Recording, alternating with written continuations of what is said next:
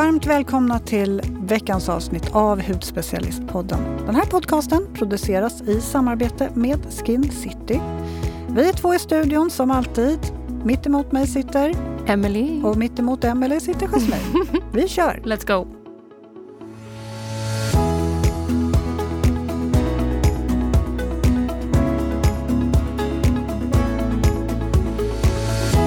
Har vi kommit till det sista avsnittet i vår härliga sommartrio och vi avslutar med en riktig drömgäst. Alltså jag ler Mm, verkligen från öra till öra. Det här är ett helt avsnitt av hudvårds och ingrediensnörderi på extremt hög nivå. Mm. Vi har Per Svanberg i det här avsnittet, toxikolog och expert på ingredienser. Och när det här avsnittet släpptes var det nog rekord i hur många som hörde av sig om vilket supermatat avsnitt det var. Alla, verkligen alla, från den inbitna hudvårdsnörden till den som är helt ny inom hudvård, fick något med sig från Per. Eh, och det som är så härligt med det här avsnittet tycker jag att även om man har lyssnat på det ett par gånger redan så lär man sig ändå någonting nytt den tredje gången. Det är som att avsnittet är så fullmatat med info att man inte riktigt, liksom allt fastnar inte riktigt. Lite vad sa han nu om antiperspiranter egentligen och hur var det med jordgubbens inkelista? Ja, alltså jag kunde inte sagt det bättre själv. Man vill bara ha mer när Ja. man har lyssnat klart. Just ingredienser, det är någonting som engagerar många. Och vi svenskar är ju väldigt pålästa och kunniga, på gott och ont skulle jag säga. Man kan absolut vara kritisk och granskande, det är viktigt. Men man måste också gallra den informationen som man tar till sig. Och här var det så bra tycker jag att Per kom och delade sina kunskaper. För är det någon som har kunskapen och, och verkligen pratar fakta, då är det Per. Mm. Vi kör direkt, kastar oss bara vi. rakt in. Nu kör vi. Per Svanberg har tagit sig hit till studion. Välkommen! Mm, tackar. Du är ju, eller har ju doktorsexamen i organisk kemi och eh, 25 års erfarenhet. Du utbildar inom kemikalielagstiftning och ditt sätt att förklara ingredienser är både lätt och informativt och gör det här med ingredienser så otroligt roligt och intressant. Ehm, jag skulle vilja kalla dig för ingrediensguru. Det du vet, eller det du inte vet snarare, det behöver man inte veta om. Ja, det var ju fina ord. Ja, en varm applåd med Jasmine måste vi ge honom också. Ja, välkommen! Ja, vi Ja. älskar ju verkligen ingredienser, men ingredienser kan ju vara ett så otroligt laddat ämne. Vissa vill liksom undvika vissa ingredienser eller att man låser sig vid en specifik procenthalt. Det är också någonting som vi verkligen ja, men ser och hör. Eh, men jag skulle ändå säga, jag vet inte om du håller med, men vi i Norden är ändå ganska pålästa i ingredienser. Ja, det är vi. Inte i dina mått det såklart. är vi. Ja, men absolut. Jo, men det, det nordiska marknaden är, är, eh, anses vara mera påläst kan man säga. Det- Man kan också säga mera kinkig beroende på vilka glasögon man har på sig. Då. Men vi, vi är mer pålästa än många andra, det, det stämmer. Eh, och, och det här med ingredienser är också väldigt roligt. Liksom, för det är ju, det är ju, en del är ju rädda för ingredienser, en del tycker det är bra med ingredienser. Och, så, och så, som du sa, då, hur, hur, stor, hur stor halt är det av dem och så vidare. Så, att det, det finns väldigt mycket att Ja, men vi är så glada att du är här så vi kan reda ut lite frågetecken idag. För vi har också så här missuppfattningar eh, och, och så. Så att, eh, ja, men vi börjar lite. Jag tänker, Jasmine gjorde en jättefin intro av dig. Men för de som inte vet vem du är, berätta lite om vem är du? Ja, jag är ju kemist i grund och botten då. Ja. Och sen jobbar jag som konsult. Det är ju det. Jag driver en konsultbyrå. Och vi jobbar ju med eh, kemikalielagstiftning. Och då ingår kosmetika i det. Det är en typ av kemikalier i min värld. Och det, det, det finns ju läkemedel, det finns medicinteknik, det finns kosmetika och det finns handdesinfektion som är biocid. Och, så. och det finns olika regler för de här olika produkttyperna. Och det jobbar vi mycket med. Det finns jättemycket regler. Så att, att vara företag och vara, upp, uppfylla lagens krav, det kräver väldigt mycket. Och det är inte alltid man har de resurserna internt, så då anlitar man konsulter och då kan man anlita oss. Så det är vad vi gör i stor Hur kom du in på det här med kemi? För precis också som Jasmine sa, när man liksom lyssnar på dina föreläsningar, du gör det ju verkligen lätt att förstå. Alltså vi dödliga höll på att säga, vi förstår liksom vad du menar. Hur kom du in på intresset för kemi? Ja, alltså där är jag, jag har alltid varit intresserad av, av kemi. Eller det kanske låter konstigt, men, men eh, jag pratade om det här om dagen med, med en kollega just om, om det här med alla de här tipsen med, att gå ner i vikt och vara snygg och allt det där med, med liksom kolhydrater eller 5-2 eller stenålderskost och allt det där. Och, och jag sa just det att jag har alltid haft väldigt lätt att veta vad som innehåller mycket kolhydrater eller vad som är proteinrikt eller vad som är fettrikt. Eller så här. Och det är inte alla som, som har så lätt att veta det. Liksom. Men, men, men, jag har alltid gått till botten med saker. Vad, vad innehåller morötter? Vad innehåller potatis? vad innehåller olika saker? Jag, jag vet inte liksom, var, varför är man intresserad av någonting. Det är ganska filosofiskt. Det är ganska svårt att svara på egentligen. Men, men det har jag alltid tyckt varit roligt. Det bara kommer naturligt för dig? Liksom. Bensin, vad har det för kemisk strukturformel? Det frågar jag min kemilärare i skolan. Och så där, liksom. så att jag har alltid liksom velat veta ja. hur, hur, världen ser ut. Du har kemi, jag har Jasmina hudvård. Ja, ja, ja. Men kemi finns ju i allting. Ja, och det är det som är det stora missförståndet. Alltså, människokroppen är ju ingenting annat än en kemikaliefabrik. De här, våra celler de, de, de snurrar ju runt. De kan ju dela sig och fördubbla sig och öka sig. Håret växer, naglarna växer, vi tänker tankar, vi, vi, vi äter och, och vi, vi, vi gör bra saker. Så att det där är ju... Och för att kunna, för att kunna hålla cellerna vid liv så måste vi tanka dem med då kemikalier, då, eller då proteiner, och fett, och kolhydrater, och vitaminer, och mineraler och vatten. Men, men då, och då, då driver cellerna runt. då. Mm. Så att det, det, är liksom, det, det, är ju, det är ju liksom, allting är kemi. Och det finns ganska många där ute, upplever jag, som då gärna vill sätta kemi i ett fack och, det, och kalla kemikalier, det är någonting som de själva inte gillar. Mm. Men ja, för det är mat, ganska laddat. mat, djur och växter och medicin och kryddor, och det är nog inte kemikalier, men det här är kemikalier. Ja. Och då blir det, har man inte den här helheten, då blir det väldigt mycket missförstånd och felaktigheter och dumheter. Att säga. Men hur kom det sig att du blev så specifikt inriktad på, nu kanske jag det här kanske inte stämmer, men jag tänker, man förknippar ju dig med ingredienser. Ja. Alltså, jag, framförallt då hudvård och medicin och så.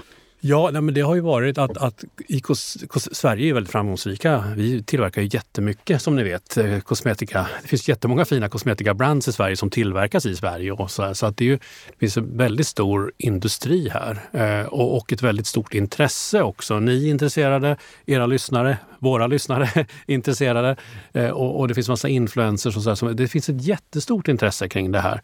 Eh, så att det, det, det, tyckte jag, det tyckte jag var roligt. Det finns ett stort intresse här och det, det finns en, delvis en okunskap. Liksom. Det, det är väldigt roligt att kunna bidra till att höja, höja kompetensen och få människor... Man får ju tycka och göra som man vill och känna som man vill naturligtvis. Men jag, jag, jag önskar att, att fler hade bättre koll. Då, då, då, tar man ännu bättre beslut och då, då påverkar vi våra politiker till ännu bättre beslut politiskt och sådär. Så att det, det, ja, jag, jag, vet inte riktigt hur det är. Men, men, som sagt, det kokar ner till det att jag vill veta vad saker och ting består av. Liksom. Mm. Vatten är H2O och, och, glas, vad är det för någonting? Är det, är det en kemikalie? Kan man säga det? Kan man inte det? Ja, men det, det är de där frågorna.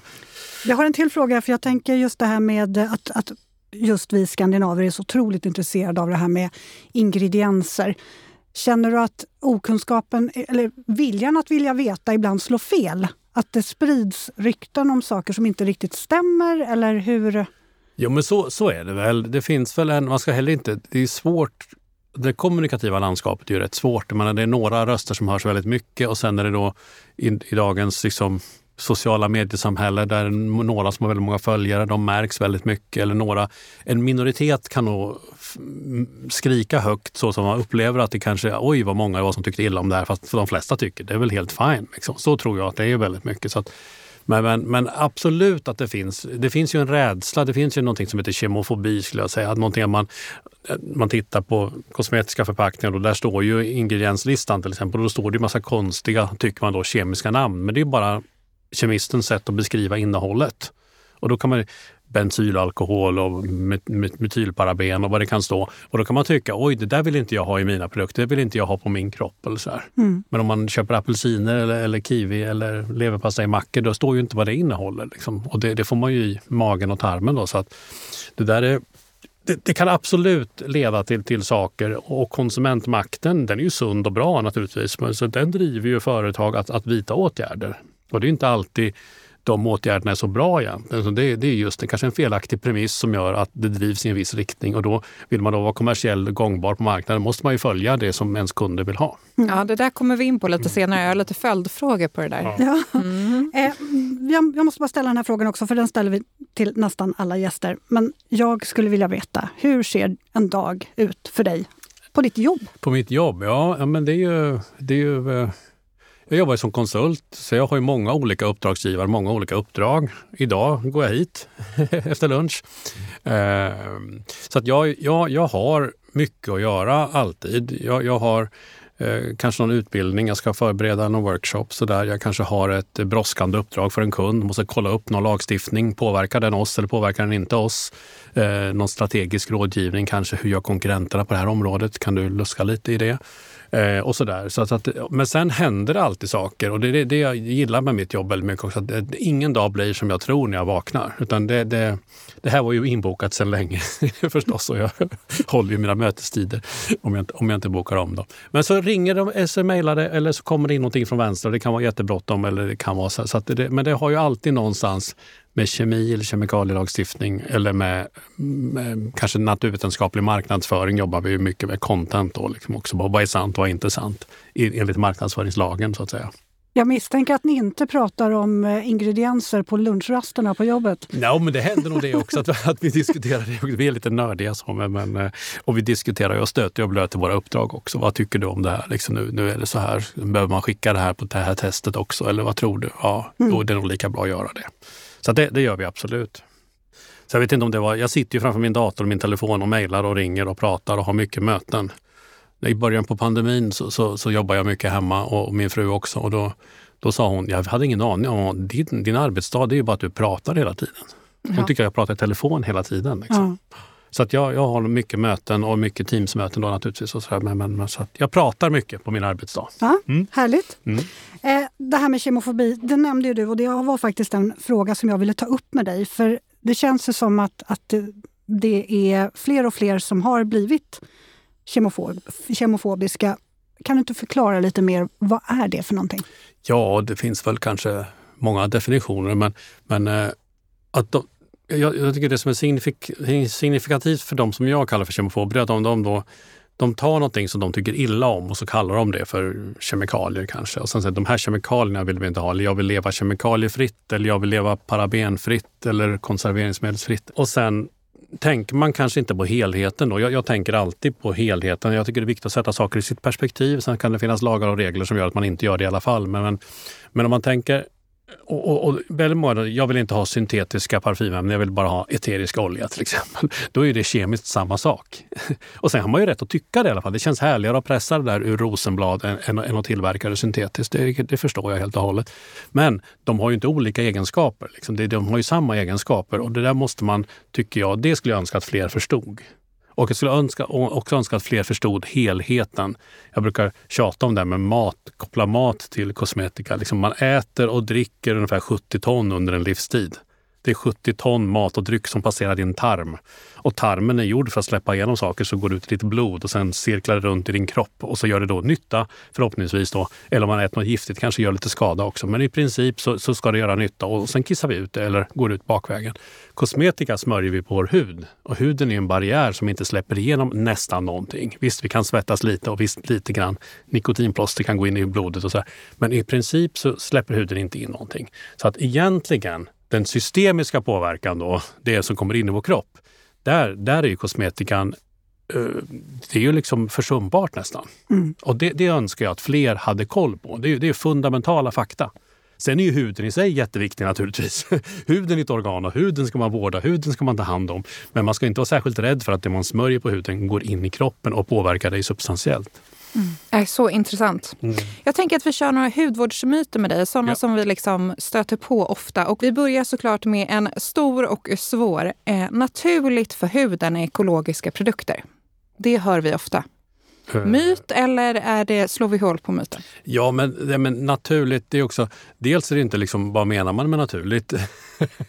det, det blir en fråga bara det egentligen, för det finns ju inte de här ingredient, naturliga ingredienserna ligger ju inte och skräpar i naturen utan de är processade i flera steg för att liksom, om man ska göra rapsolja måste man plocka raps och så ska man pressa det och så ska man kanske rena det och så ska man filtrera det och sen blir det någon rapsolja av någon viss kvalitet. Då, så att säga. Men den, den, den är ju kemiskt naturlig skulle jag säga. Den finns ju tillgänglig genom att några processsteg Medan syntetiska ingredienser, det är någonting som man ofta har haft petroleum som råvara och sen har man då gjort syntetsteg för att tillverka det som nylonstrumpor eller p-piller eller konserveringsmedel eller sådär. Ehm, så att, så att det, så att, och det finns ju, det finns ju över 100 miljoner eh, naturliga ämnen och det finns ju kanske 30, 40, 50 syntetiska. Jag vet inte, de där siffrorna kanske man tar med en nypa salt men det finns ju väldigt många naturliga ämnen, det finns väldigt många syntetiska ämnen och de har ju olika kemisk strukturformel. Och det är den kemiska strukturformen som bestämmer vilka egenskaper det har. Så det går inte att säga, det saknar mening att säga att, att naturligt är bättre eller sämre än syntetiskt.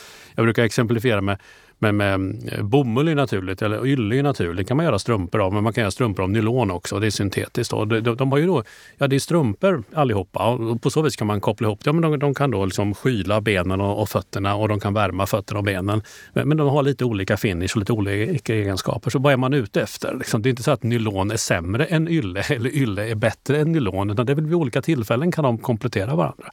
Och likadant är det med ingredienser. Det är verkligen så. Och generellt sett kan man väl säga, jag är ju synteskemist, jag är ju lite biased åt det hållet. Men eh, de ämnen som synteskemister har tillverkat, de har gjort för att mänskligheten har efterfrågat dem. Att vi har, liksom, vi har velat ha det, eller vi har gjort det nya nya läkemedel som botar nya sjukdomar eller nya, nya lösningsmedel som är mindre giftiga eller nya, nya emulgatorer som kan få ihop eh, vatten och olja på ett bättre sätt och så, där, så att det blir mer ekonomiskt försvarbart. Eller en skönare känsla i en kosmetisk produkt eller vilken egenskap man, man är ute efter. Så att det där är det blev ett väldigt långt svar, men, men det, det, saknar mening. Alltså, det, man behöver liksom inte ställa naturligt och syntetiskt mot varandra. Naturliga jordgubbar är jättegott och syntetiska läkemedel. På sommaren äter man jordgubbar och, och glass och tycker det är fantastiskt. Och vaniljglass med riktig vaniljstång är godare än syntetiskt eller med vanillin då, som är ett smakämne. så att det, det, men samtidigt blir man sjuk, då vill man väl ha ett syntetiskt läkemedel som botar sjukdomen. Så att man ska inte säga nej till synteskemi och man ska inte tycka illa om synteskemi. det är så intressant väldigt intressant. Ja. Eh, någonting som jag stöter på ofta det är många som efterfrågar produkter med en kort innehållslista. Mm. För de känner att det är bättre och säkrare än en lång. Ja. Vad säger du där? Ja, nej, men det, är väl också, det, det, får man ju ta, det beror ju på vilka ämnen det är. Har man en kort lista Eh, då är det högre halt av de ingående ämnena. Har man fem ingredienser då är de i högre halt än om man har 25 ingredienser. Så är det ju. Och eh, sannolikt har man väl en, en simplare produkt också om vi pratar kosmetiska hudkrämer. Så att det, det krävs ofta eh, 20-tal ingredienser för att man ska få ihop någon bra.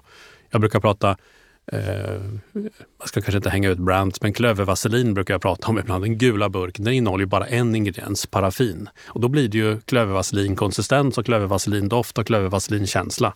Och, och sen om man då vill ha någonting annat, då får man ju då, ja, dagens krämer är ju vatten, vattenburna i stor utsträckning och sen emulgerar man in andra ämnen och sen kan man då ha olika ämnen i vattenfasen, olika ämnen i oljefasen och sen vill man då skräddarsy de egenskaper som man är ute efter.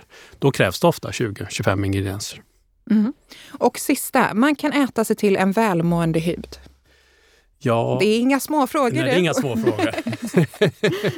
ja, eh, det är väl svårt att bevisa det där, men, men jag, jag skulle ju säga att jag tror att alla har en egen erfarenhet av att huden påverkas av. Både hur man mår och hur man äter och om man är stressad eller om man har någon viss tid i månaden eller sådär. Det kan se lite olika ut. Så att, eh, och, och, äter man mycket onyttigt och så, eller mycket choklad eller mycket pommes frites då kan man, man bli lite finnig. Jag, jag, vet inte om det finns vetenskapligt belagt, men jag, jag, skulle säga att det är en jätteviktig parameter. Och naturligtvis är hudvård viktigt men kanske ännu viktigare egentligen hur man mår ah, och hur man äter. Att man äter allsidigt, att man har harmoni i sitt liv, att man har någon att hålla i handen och så sådär. Så att det, det, tror jag är jätteviktiga parametrar också för huden. Mm, jag tyckte det var så intressant och viktigt det du sa det här liksom att man ska tänka på kosten är ju någonting du stoppar i kroppen mm. och hudvården är ju någonting du liksom applicerar på. Mm. Så att kosten, jag, jag tror ju så mycket på samband mellan kosten och hur huden mår. Liksom. Ja, och också för, både för huden då är ju ett organ, men vi har en massa organ invärtes också. Liksom, och de ska ju må bra och för att man ska må bra, det är ju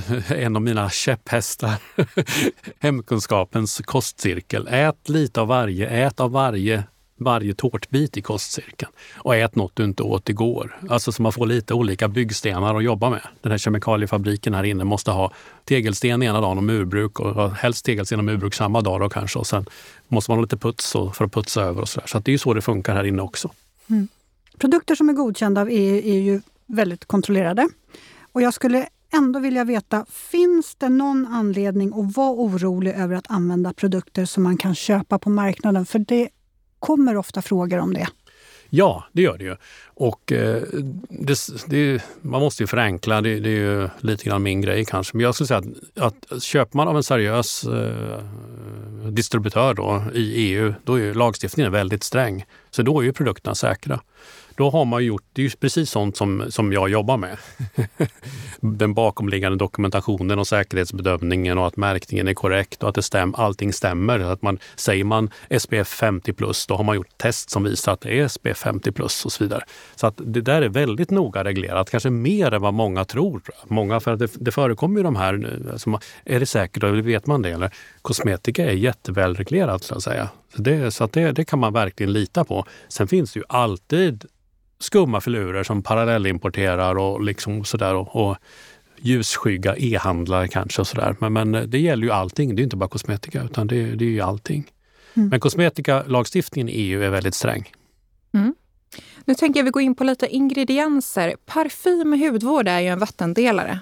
Mm. Just det. Och om det är någonting då som man ser då när man sitter och tittar på eh, oönskade effekter då, eller biverkningar eller vad man vill kalla det för, så är det generellt sett ganska ovanligt. Men av de biverkningar man får in då, då är ju väldigt hög procent av dem är ju hudirritation eller hudallergi. Och, det, och väldigt hög procent av dem är orsakade av parfym.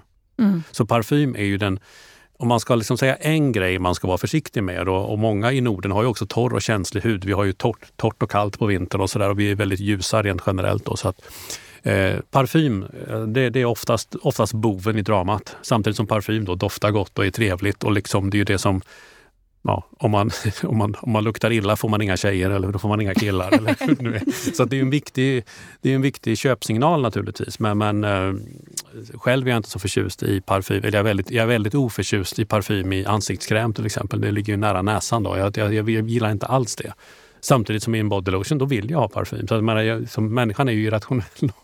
men eh, jag har inga hudproblem ska jag säga också, så att jag kan ju ha en parfymerad bodylotion. Men, men eh, om, om man har problem, då är nummer ett att titt, välj parfymfria alternativ så, så blir man förmodligen av med sina problem. Ja, jag har verkligen märkt skillnad, för jag är ju väldigt känslig hud, kan få eksem, peroral dermatit om jag har parfym i mina ansiktsprodukter, då, då blir det bananas. Mm. Så att, eh, ja. Jo, men det, det, det, och det är ju ganska bra. Där finns det också märkningsregler. Att, att är det parfymerat, då ska det stå parfymerat. Och är det, det ska stå parfym i inkelistan och så där. Så det är lätt att ta reda på.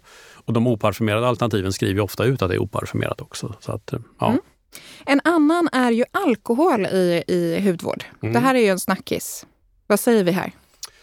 Ja, eh, det har väl inte jag så jättemycket att säga om. Alkohol är ju inte så kontroversiellt. Det finns ju lite, lite, det är klart det är ju här med, med skatteregler och berusning och felanvändning och så. Men om man säger rent kemiskt så ser jag inga större problem. Det kan ju vara lite uttorkande. Det har vi fått erfara under pandemin med, med alkoholburen handelsinfektion. Då. Men i kosmetiska så, så är det ju inte så. Alltså parfym, parfym, parfym, de är ju alltid, det är, det är ju alkohollösningar och så är det parfymämnen som är lösta i alkoholen. Så att det, det är det som är lösningsmedlet i dem. Och då har man ju alkohol för att den ska dunsta ganska snabbt då, så, man, sätter bara parfymen kvar på huden så att säga. Ehm, men jag, jag, ser inga större problem. Det, det, är ju lite uttorkande, det är det ju. Och sen måste man ju ha koll på, beroende på hur mycket alkohol man har i, att, att den är korrekt denaturerad då, om man ska gå på regelverken. Så, så att det finns ju regler kring det också. Så att man eh, eh, uppfyller de kraven då, så, att det, så att det inte går att dricka, så att produkterna blir otjänliga. Men eh, så att eh, men uttorkning kan vara ett problem med alkohol. Men det är inte bara, det är inte bara alkohol utan det finns ju andra. Alla, alla rengörande produkter kan ju vara uttorkande också. Men visst är det en konserverande ingrediens? Ja, absolut. Alkohol i en viss halt har ju konserverande effekt. Så, så man ska inte vara för rädd för alkohol? Nej, det tycker jag inte eh, så. Utan al alkohol, absolut, det, det, har ju en konserverande effekt eh, om, om det kommer över en viss procent. Att säga. Så att eh, starksprit eller spolarvätska eller handelsinfektion eller parfym, då, det håller ju för evigt så att säga. Sen kan ju en åretoalett, så där kan ju parfymämnena förändras, och så, men själva alkoholen i sig förändras inte. Mm. Mm. Du som håller på med ingredienser dagligen, mm. jag är lite nyfiken. Har du någon eh, favoritingrediens eller någon ingrediens som du tycker är extra spännande och kanske unik? Eh, nej, inte, inte någon unik så, utan, utan det är väl mera när man sitter och bedömer och tittar på listor och sådär, ingredienser. Och så, så klart man får ju jag, är, jag brukar säga att jag är lite tråkig så. Alltså, ni, ni är ju mer så här effekt och, och bra produkter och, så, och jag, jag, är i den andra änden. Safety och efficacy, det är olika sidor av samma mynt. Liksom. Så jag vill ju ha någonting som, in, som är säkert, någonting som inte har några negativa miljöegenskaper, någonting som inte har några negativa hälsoegenskaper. Och då är det så tråkigt så att glycerin är min favoritingrediens som man ska ta fram. Men det är en underskattad ja, ingrediens. Det är en alltså. superbra alltså. återfuktare. Den finns ju i nästan alla produkter också. Den är billig. Det finns mycket av den på jorden också. Annars brukar det vara så att det, brukar, det som är väldigt attraktivt brukar inte finnas så mycket av och då blir det svårt. Så att, att, att glycerin är bra på alla sätt och vis. Att den är, att jag tycker, även då jag tycker alla andra har ju den också. Ja, men man kan väl dra på den i alla fall i marknadsföring för att den är så bra. Så att det, det är väl jättebra. Så att det, den, är, den är jättebra skulle jag säga. Den Jasmine Mellow Moist Serum som vi har utvecklat mm. nu, mhm. det, det, är ju stjärnan. Och jag var lite tveksam, men, men där har vi 20 glycerin. Ja, det är ju en Favorit. stjärna verkligen. Mm. Du kanske är så trött på det här, men du nämnde det själv för ett litet tag sedan. Parabener. Mm. Det var ju i ropet för några år sedan. Mm. Alla ville undvika det här. För, liksom, hudvårdsföretagen tog bort det och det stod liksom stort över hela flaskan, parabenfritt. Mm. Vad, vad är din åsikt här? Ja, det, det var ju väldigt väldigt, eh, ja, en, en sån här kemofobidebatt kan man väl säga. Ganska överdrivet och det blev väldigt det var ju den största ja, på det, väldigt länge. Det var skulle väldigt, väldigt, eh, väldigt omfattande diskussioner. Väldigt många företag tog bort parabenerna och ersatte dem med isotiazolinoner som var ett mycket sämre alternativ. Det orsakade mycket mer hudallergi. Och nu har man fått byta det en gång till. Då, så att säga. Så att det... Blev det lite här också, för du sa ju det tidigare, att företagen följer vad konsumenten önskar men ibland så blir det lite tokigt. Ja, men här blev det väl väldigt bråttom för att det blev en sån enorm genomslag det där med, och det har, vi, har jag diskuterat många gånger. Jag har ingen bra svar på varför blev det det. Liksom. En teori är att paraben är lätt att säga. många ingredienser, namn är ju svåra att säga ja. annars. Men, men det, är ju, det är ju konserveringsmedel som är, som är väl beprövade och som finns då i livsmedel och i, i flytande läkemedelsberedningar också. Så att de, de är Eh, sen är det som alla konserveringsmedel, de, de, de är lite giftiga, det är de absolut, men det måste de ju vara för att fungera som konserveringsmedel. Men det parabenerna då inte är, det är att de är inte särskilt miljöbelastande och de är, säkert, de är heller inte hudallergiframkallande.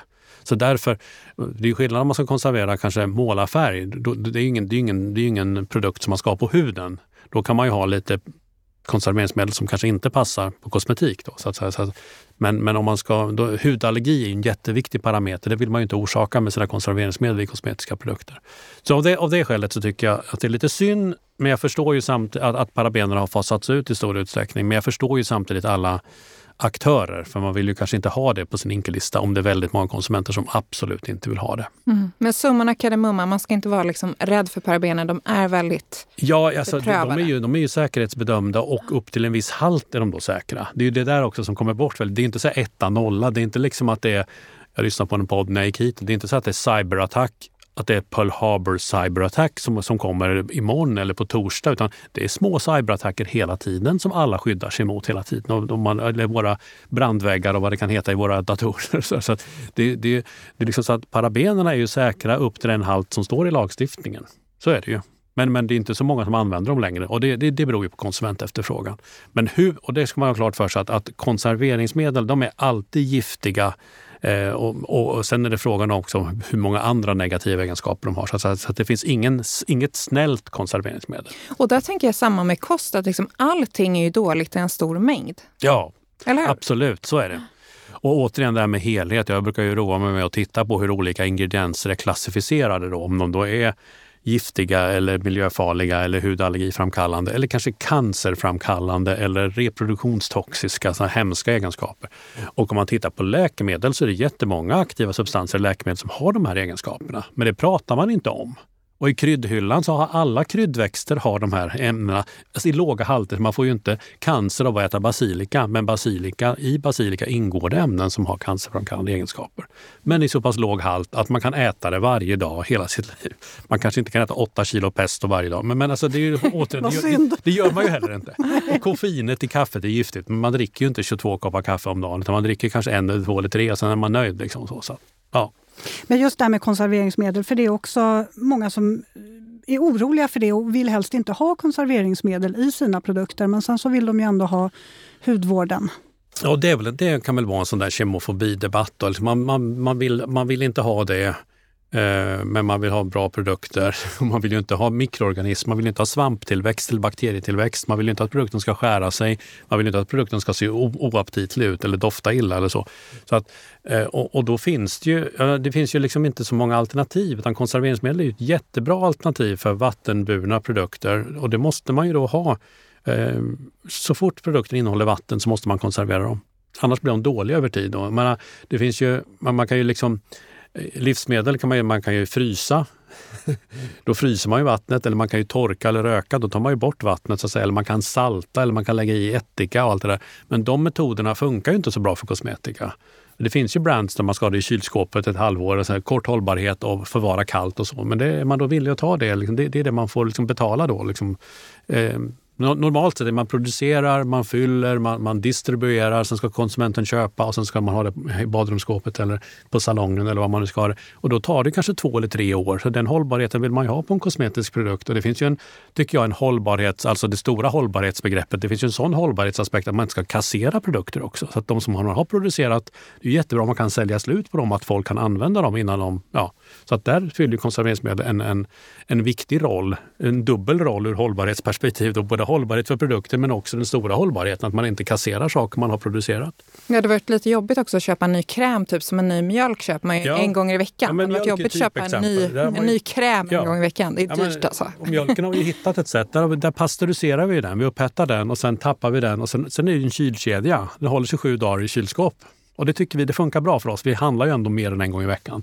Men kosmetika handlar man inte en gång i veckan och man kanske inte vill ha att den ska stå kallt heller. Eh, eller så får man köpa ett separat kylskåp i framtiden kanske ha i. Men då drar det mer el och hur ska vi producera den? Ja, det, ja. Mm, många frågor. många frågor. Mm. Mm. Men det är också något som jag tycker att jag ser att liksom, eh, företag framhäver är att en produkt inte innehåller några konserveringsmedel alls. Mm.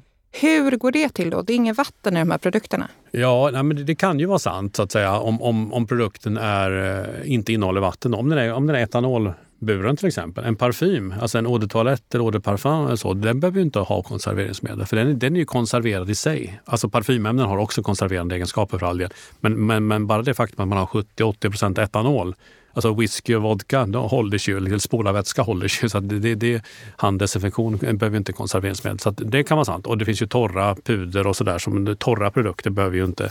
Eller om man har oljeprodukter som klövervaselin då, som inte har något vatten alls, de behöver man heller inte konservera. Att det finns ju produkter man inte behöver ha konserveringsmedel i. Men då börjar man ju toucha på det här med, med vilseledande marknadsföring. Då. Om man då säger att det är konserveringsmedelsfritt om en produkt som inte behöver konserveringsmedel, då, mm. då, då, är man ju ute och luras lite. Liksom. Så att, eh, mm.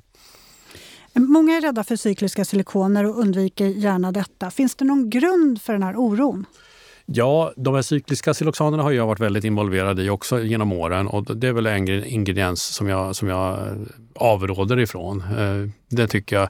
De är ju, de är ju Eh, på väg att bli reglerade. De är ju reglerade i, i rinse-off-produkter där de för all del inte förekommer så mycket. Men de kommer säkert att bli reglerade på, i Steon-produkter. Eh, eh, och en av dem, då, D4, är ju förbjuden helt och hållet i kosmetik. Då. D5 och D6 kommer väl sannolikt att bli det också, skulle jag tippa. Så att om, om jag hade haft produkter med dem i hade jag tagit bort dem. Vet du det, hur vanligt det är att vi använder dem? Eller? Ja, det har blivit mycket, mycket mindre vanligt. Eh, det, det de framförallt finns i fortfarande är väl håroljor och sådär. Eh, men som sagt, de, de har ju, eller D4 har ju eh, misstänkt då reproduktionstoxiska egenskaper och D5 och D6 är ju också kemiskt sett väldigt lika med D4. Så man kan ju missa, skulle man gissa mellan tummen och pekfingret skulle man gissa att D5 och D6 har liknande egenskaper som D4. Och, och, och, de sitter ju också på, på ECHAs lista över substances of very high concern. Så det, det är också ett väntrum för ytterligare begränsningar kan man säga. Så det, det, tycker jag det finns fog för. Och, de har också, och där sitter de med hänvisning till sina dåliga miljöegenskaper. Så det blir också det här med risknytta.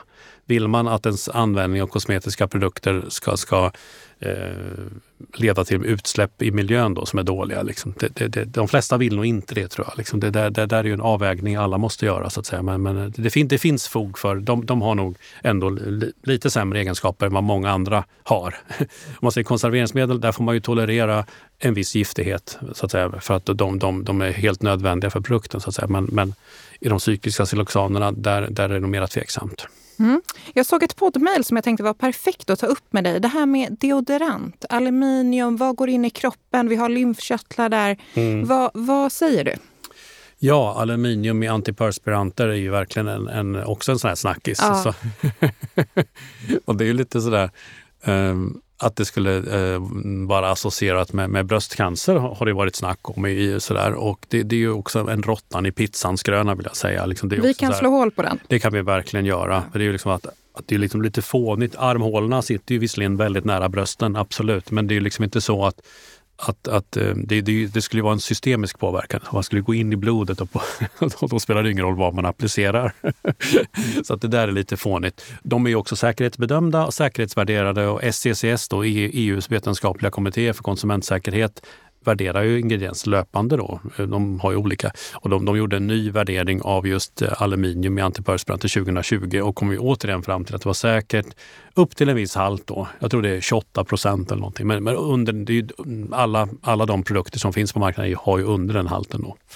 Görs det nya bedömningar med jämna mellanrum på redan säkerhetsklassade ingredienser? Ja, det gör det. För att det, det, det, kommer ju nya data hela tiden. Vi blir ju klokare och klokare och liksom kommer fram till mera och mera saker och, så där, och förstår hur saker och ting hänger ihop på ett bättre sätt. Så att då Eh, eller om det blir en ny substansgrupp eller en ny, ny produktgrupp som blir väldigt populär så kanske man inte har bedömt den så noga innan. För att det är också, allting är ju en prioritering inom EU. Liksom. Det är, det är alltså, om någonting ska bedömas så måste det då, det, antingen måste det vara väldigt giftigt eller så måste det vara väldigt stor användning av det. Eller en kombination av de där två. Så det, det syftar till att skydda den europeiska befolkningen. Så att om det är någonting som är populärt eller något som det är mycket snack om eller något som det är mycket liksom debatt om, då, då vill man ju gärna liksom bringa klarhet i det. Liksom. Så att det, det gör man absolut. Och just det här aluminium, det finns flera opinions på det liksom, alltså, genom åren. Då, liksom, att man har kommit i, i, in the light of this new data, vad tycker ni då? Liksom? Nu har det kommit fram ny information. Är det fortfarande säkert eller ska vi sänka halten? Och det gjorde man med parabenerna då till exempel. Att, att då, då fick man ju sänka halten med, med, med några, på några av parabenerna för mm. att säga att det var säkert. Det, det, här blev en följdfråga nu, men det kan ju skilja sig ganska mycket på EUs lagstiftning och till exempel USA. Hur, hur kommer det sig? Är det något som du kan svara på? Eh, ja, alltså inte, inte rakt. Jag vet ju att det är så. Alltså jag tänker inom eh, kosmetik och hudvård ja, så är det mycket ja, produkter som är godkända i USA, men inte ja, ja, men Absolut. Ja, men det, om man har då brands från andra världsdelar eh, och, och, man ska in på den europeiska marknaden, det är sånt jobbar jag med också. Då, då ser man att den märkningen är ju inte den uppfyller ju inte EUs krav. Eh, vet, har vi hårdare lagstiftning? Ja, men annorlunda krav ska jag säga ja. i alla fall. så, så, så, det är också det, om, om, vissa andra världsdelar tittar ju på oss som, som eh, jag tycker att EU är role model och vill, vill härma lite grann. Så. Men det är olika regler på olika världsdelar och det är alla som agerar globalt skulle önska att det var samma regler. Men som ni kan förstå så är det EU är tungrot. det, man tycker inte likadant på Irland, och Tyskland, och Italien, och Grekland, och Sverige och Rumänien. Och så, här, och så ska man då komma överens, det blir en kompromiss. Och ska man då sitta hela världen och tycka saker olika. Liksom så här, så att, eh, då hade vi inte kommit fram till någonting? Nej, kanske inte, men det är absolut någonting som man måste hantera om man säljer på flera världsdelar eller om man importerar brands från andra världsdelar till Europa. Då måste man ha koll på det. Absolut. Men jag tänker, eh, kan eh, åsikterna skilja sig så mycket? Jag tänker att det måste ju ändå vara basen måste ju ändå ligga i vad, vad, forskningen säger. så att säga. Jo, men absolut. Men, men, man har lite olika mindset också. USA är lite mer, eller Nordamerika är lite mer man får fräsa lite fritt liksom, och går det snett får man ta en advokat och stämma och sådär. Liksom. Så att det är lite större eget ansvar. Tror, ja, för där, där, har jag sett just att de har mycket högre procent på ja, vissa produkter. Ja, bara, Oj, att de får sälja så här hög procent. Ja, ja. ja så är det. Med, med... Men det är ju skönt att vi i EU har lite det, det är lite hårdare. Ja, jo, men det, det, kan man nog säga generellt, att det är lite mer reglerat. Mm. Skulle man kunna säga att syntetiskt framställda ingredienser är mer hållbara ur ett globalt perspektiv än naturliga då de framställs i labb och inte växer, växer fritt och ska gödslas och ska skördas och ska transporteras och så vidare? Ja, men det är också väldigt svårt att svara generellt på. Men det är en bra frågeställning tycker jag. verkligen. Och det, det, är liksom, det tråkiga svaret är case by case. Då. Det, det finns ju vissa saker det växer mycket av. då, då, då, då, tar man ju det från naturen och så finns det vissa saker eh, som kanske är lite mer avancerade kemiskt att göra. Då, då, då, då, då, då gäller det att hitta den bästa vägen att tillverka dem. Liksom. Och då kanske det är med de syntetiska metoderna. Eh, och sen får man ju alltid också beakta eh, om man odlar någonting Eh, så, så, så det är också konkurrens alltid med livsmedelsproduktion också. Vad ska gå till livsmedel och vad ska gå till kemtech-industrin om man säger så. Det är också en avvägning så att säga. Eh, å ena sidan. Å andra sidan om man då tar, eh, gör syntesråvara så är det också vad, vad utgår man ifrån när man ska tillverka någonting syntetiskt? Historiskt har det varit petroleum, råolja. Och det, finns ju, det är en ändlig resurs, fossilt ursprung. Eh, nu går vi över mer och mer till cellulosa eh, från skogsindustrin eller biprodukter från skogsindustrin. Det är ju, då, det är ju jättebra, det är förnyelsebart. Eh, Sverige har mycket träd och mycket kunskap på det här området. Och eh, eh, det konkurrerar heller inte med livsmedel. Det är kanske sånt som eldades upp tidigare eller så, som man kan ta, ta tillvara idag och använda som, som utgångsämnen. Då. Det, det, går inte att ge något snabbt svar på det. Utan, och jag tror också att det, det, är också det, jag vill inte att man ställer syntetiskt och naturligt emot varandra. Utan de, de, de måste komplettera varandra. Mm. Så, är, så är det. Alltså jordgubbar är godare än jordgubbssmak. Men ibland kanske man kan tycka, skulle man då göra jordgubb, ta jordgubbssmak från riktiga jordgubbar till skumtomtarna, det kanske man, ja, men då duger det kanske med jordgubbssmak. Liksom. Ja. Mm. Eh, hur skulle du beskriva begreppet rena ingredienser då? Ja, det är, det är mera straightforward. Det, det, ska säga, då är det ett, ett, ett, ett enda ämne i 100 procent. Då är det rent. Alltså om man tänker sig det klassiska exemplet är ju läkemedel man gör en läkemedelssubstans, den aktiva substansen i läkemedlet, den måste ju vara jätteren. För att det är ju en potent substans som ska bota sjukdomar i, era kroppar.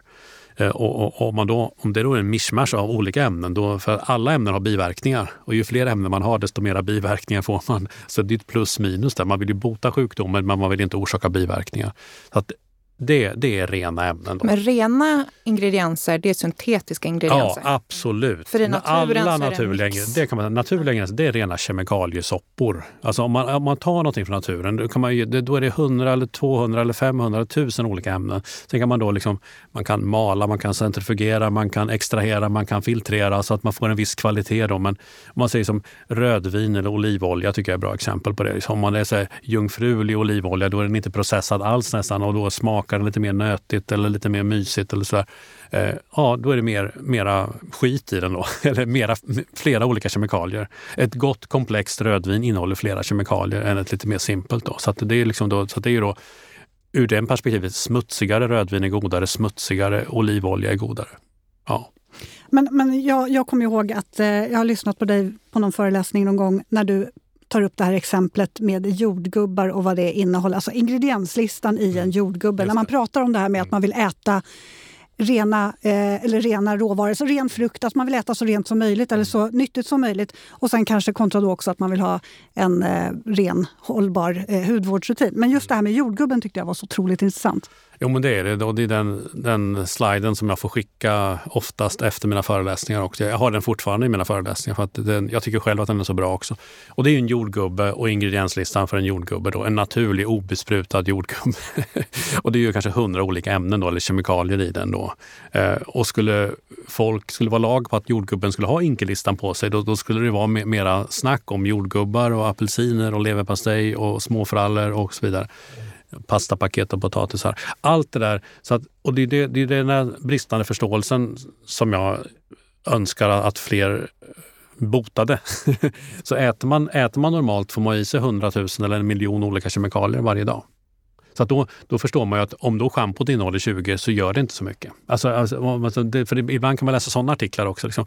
Bara genom att eh, gå in och duscha och tvätta dig och borsta tänderna och eh, ansiktskräm och antiperspirant har du 100 kemikalier på din kropp. Ja, så rätt till frukost också så har du en miljon kemikalier i din kropp.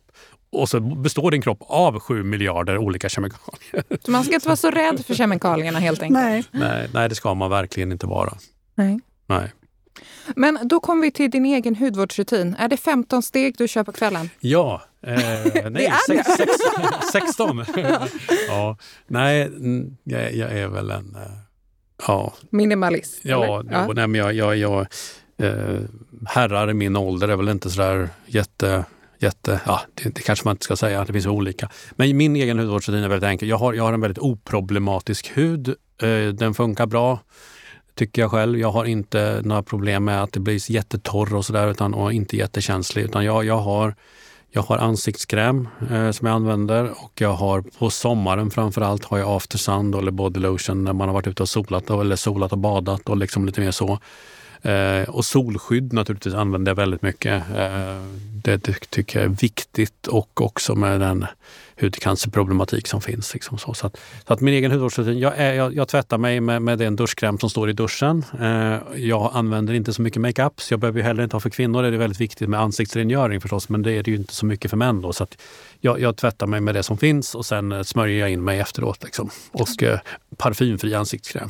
Står du och tittar eh, i affären när du ska köpa vad, vad produkten innehåller? Ja, det gör jag verkligen. Alltså, jag tycker det är kul att gå runt i och, och vända och vrida på förpackningar. Det gör jag. Är det någon ingrediens som liksom, ah, är det glycerin då?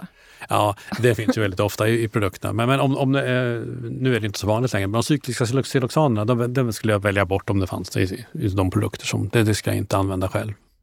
Kan du se en framtida riktning för vad som kommer att växa i framtiden? Eh, och hur tror du att hudvården och hudvårdsprodukter kommer att se ut framöver om du får säga helt fritt?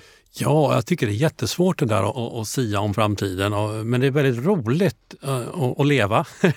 väldigt roligt att vara med tycker jag. Och det, det, jag slås av hur innovativa marknaderna är. Det kommer nya produkter. En del kanske inte är så jätteinnovativa och substantiella men det händer ju saker. Och jag, jag tror att vi blir allt äldre, vi blir allt rikare eh, och vi blir allt eh, kräsnare, tror jag, eller mer måna om oss själva kanske också. Jag tror att, att, att det kommer finnas en jättemarknad för det här med, med kosmetik och kanske eh, kosttillskott eller livsmedel eller spabehandlingar eller alltså sådana här ritualer och liksom att, att, ta hand om sig själv. Liksom, och både yttre och inre och kanske yoga och den här typen av grejer. Jag tror att helheten tror jag. Liksom, att det, det, men jag kan inte peka på något riktigt sådär jag sitter ju själv i lite så jurygrupper och bedömer produkter. Då har jag haft väldigt många Eh, saltvattensprayer och saltvattensgeler för håret, alltså som man har innan man har vax och så. Och jag slogs av vad bra de där var tyckte jag. Jag tyckte alla var bra och det, det bidrog till en, liksom, en, en volym och en, liksom, en annan känsla och ett annat utseende i håret. Liksom. Men äh, jag, jag, är nog inte rätt person att säga om den framtiden och, och, och, eh, vilka trender som kommer och går. Och CBD-olja och retinol och Ja, jag tänkte just det, om du, om du har sett, tror att det finns någon trend i att någon ingrediens kanske kommer öka i popularitet framöver? Ja, det är så svårt att säga om det där. Mm. Liksom. Var, kommer det ifrån? Den där retinolen har ju varit het i många år nu. Och liksom så här, men, men... Är det en strid ström av nya potentiella ingredienser i hudvård som, som du kommer över? Eller är det, jag tänker som man tittar på som man forskar i? Jo, men det är det ju. Alltså en stridström kanske jag tar i, men att det kommer ju nya ingredienser löpande, det gör det ju. Alltså, samhället förändras ju hela tiden och liksom förbättras och liksom det utvecklas och man kommer på nytt. Och det är ju det är inte bara inom kosmetikan, det är den stora kemtech med, med läkemedel och med medicinteknik och med biocider och med allting. Om man vill ha skönare konsistens och bättre egenskaper och vidhäftning längre och så vidare. Lättare att tvätta bort eller vad det nu vill vara för egenskap. Så det kommer ju nya ämnen hela tiden, det gör det ju. Och, det är ju också en, som, som kemikalieleverantör så måste man också utveckla nya produkter. Man kan inte bara sälja samma sak hela tiden. Det gäller ju allting. Man måste förnya sig liksom och hitta eh, för att stå sig i konkurrensen. Mm. Alltså jag skulle kunna sitta här och prata i timmar. Jag tycker det här är så otroligt intressant. Det är så intressant. Tack att du gästade mm. oss idag. Ja, tack för att jag fick komma hit. Jätteroligt. Ja, jättekul. Ja, men alltså jag gillar ju verkligen den delen med jordgubben och innehållet och det där med hållbar hudvård och vad det menas ger också en tankeställare. Nej men du hör ju, jag gillar ju verkligen allt med det här. Mm, och jag kommer ihåg när han satt här med oss i studion. Alltså jag tror vi vi pratade nästan lika länge till efter att vi hade slutat spela in, för det bara bubblade av frågor. Mm. Alltså jag bara, kan tänka mig det. Nej, men vi bara sprudlade. Vi var så men om det här då? Och vad säger du om det här då? Och hur kan man tänka här då? vad är det för ingrediens? Och hur mm. tänker man? Och alltså det var nej, så otroligt intressant. Ja, han verkligen. är ju så väldigt kunnig. Man litar ju verkligen på allt han säger. För det är så här, han, det han inte vet, det behöver man inte veta. Det är lite Nej, så jag känner. Han har så mycket kunskap alltså. Ja, verkligen. Då har vi ju slut på den här lilla trion då. Mm. Det är inga fler såna här avsnitt. För nästa vecka så är vi tillbaka. Äntligen. På riktigt. Ja. In real life. Ja. Med ett nytt avsnitt. Rykande färskt ja. höstavsnitt. Ja, verkligen. Ska vi säga någonting om det avsnittet? Jag säger så här, för och efterkund. Det mm. tror jag räcker. Ja. För det är ju alltid poppis. Ja, men alltså, det är så många som har mejlat ju. Det är ja. så härligt. Men vi har ju också ett väldigt fint samarbete, det avsnittet. Ja, verkligen. Det har vi. Ja. Och det här med före och efterbilderna som du sa. Mm. Det, ni gillar verkligen det. Ja. För efter historien om eh, hur det kändes och hela resan Mm. med en eh, hudvårdsrutin som ger resultat. Ja. Superhärligt. Okej, vi kör på det nästa vecka så eh, laddar vi om nu och eh, tar helg lite emellan Ja. här. Det gör vi. Bra, trevlig Bra. helg. Trevlig helg. Tjing! Hej!